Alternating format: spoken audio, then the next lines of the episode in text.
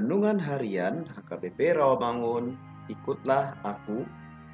Jumat Agung 15 April 2022. Dengan tema Hamba Tuhan yang menderita.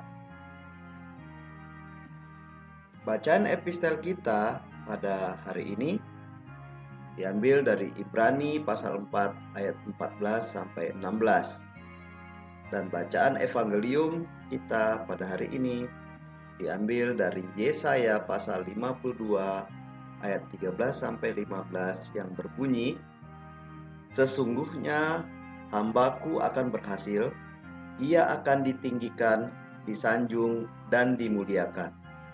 Seperti banyak orang akan tertegun melihat dia begitu buruk rupanya bukan seperti manusia lagi dan tampaknya bukan seperti anak manusia lagi Demikianlah ia akan membuat tercengang banyak bangsa, raja-raja akan mengatupkan mulutnya melihat dia. Sebab apa yang tidak diceritakan kepada mereka akan mereka lihat, dan apa yang tidak mereka dengar akan mereka pahami. Demikian firman Tuhan.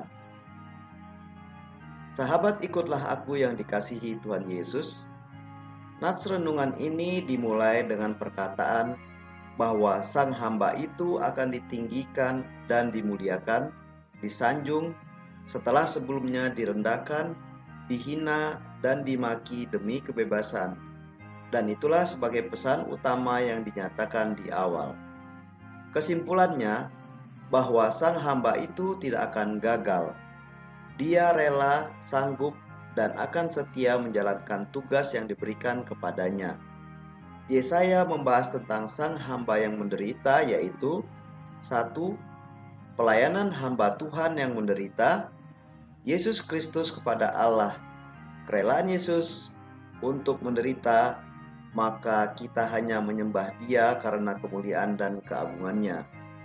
Dua pengorbanan hamba yang menderita Yesus Kristus bagi dosa manusia atau dunia keadaan sang hamba ini sangat buruk diremehkan bahkan dihina oleh raja-raja dan bangsa-bangsa. Tiga, keselamatan melalui hamba Tuhan yang menderita.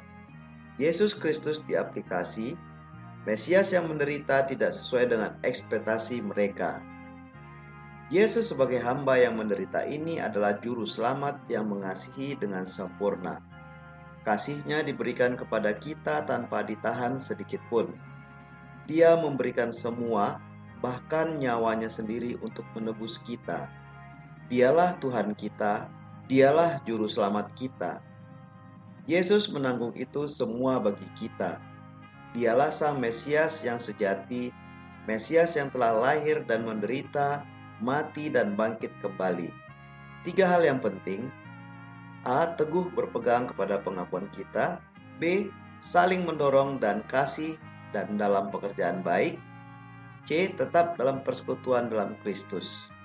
Lakukanlah semuanya itu dalam hidup kita. Amin. Marilah kita berdoa. Tuhan, pakailah hidup kami sebagai alatmu untuk melayani Tuhan seumur hidupku. Amin.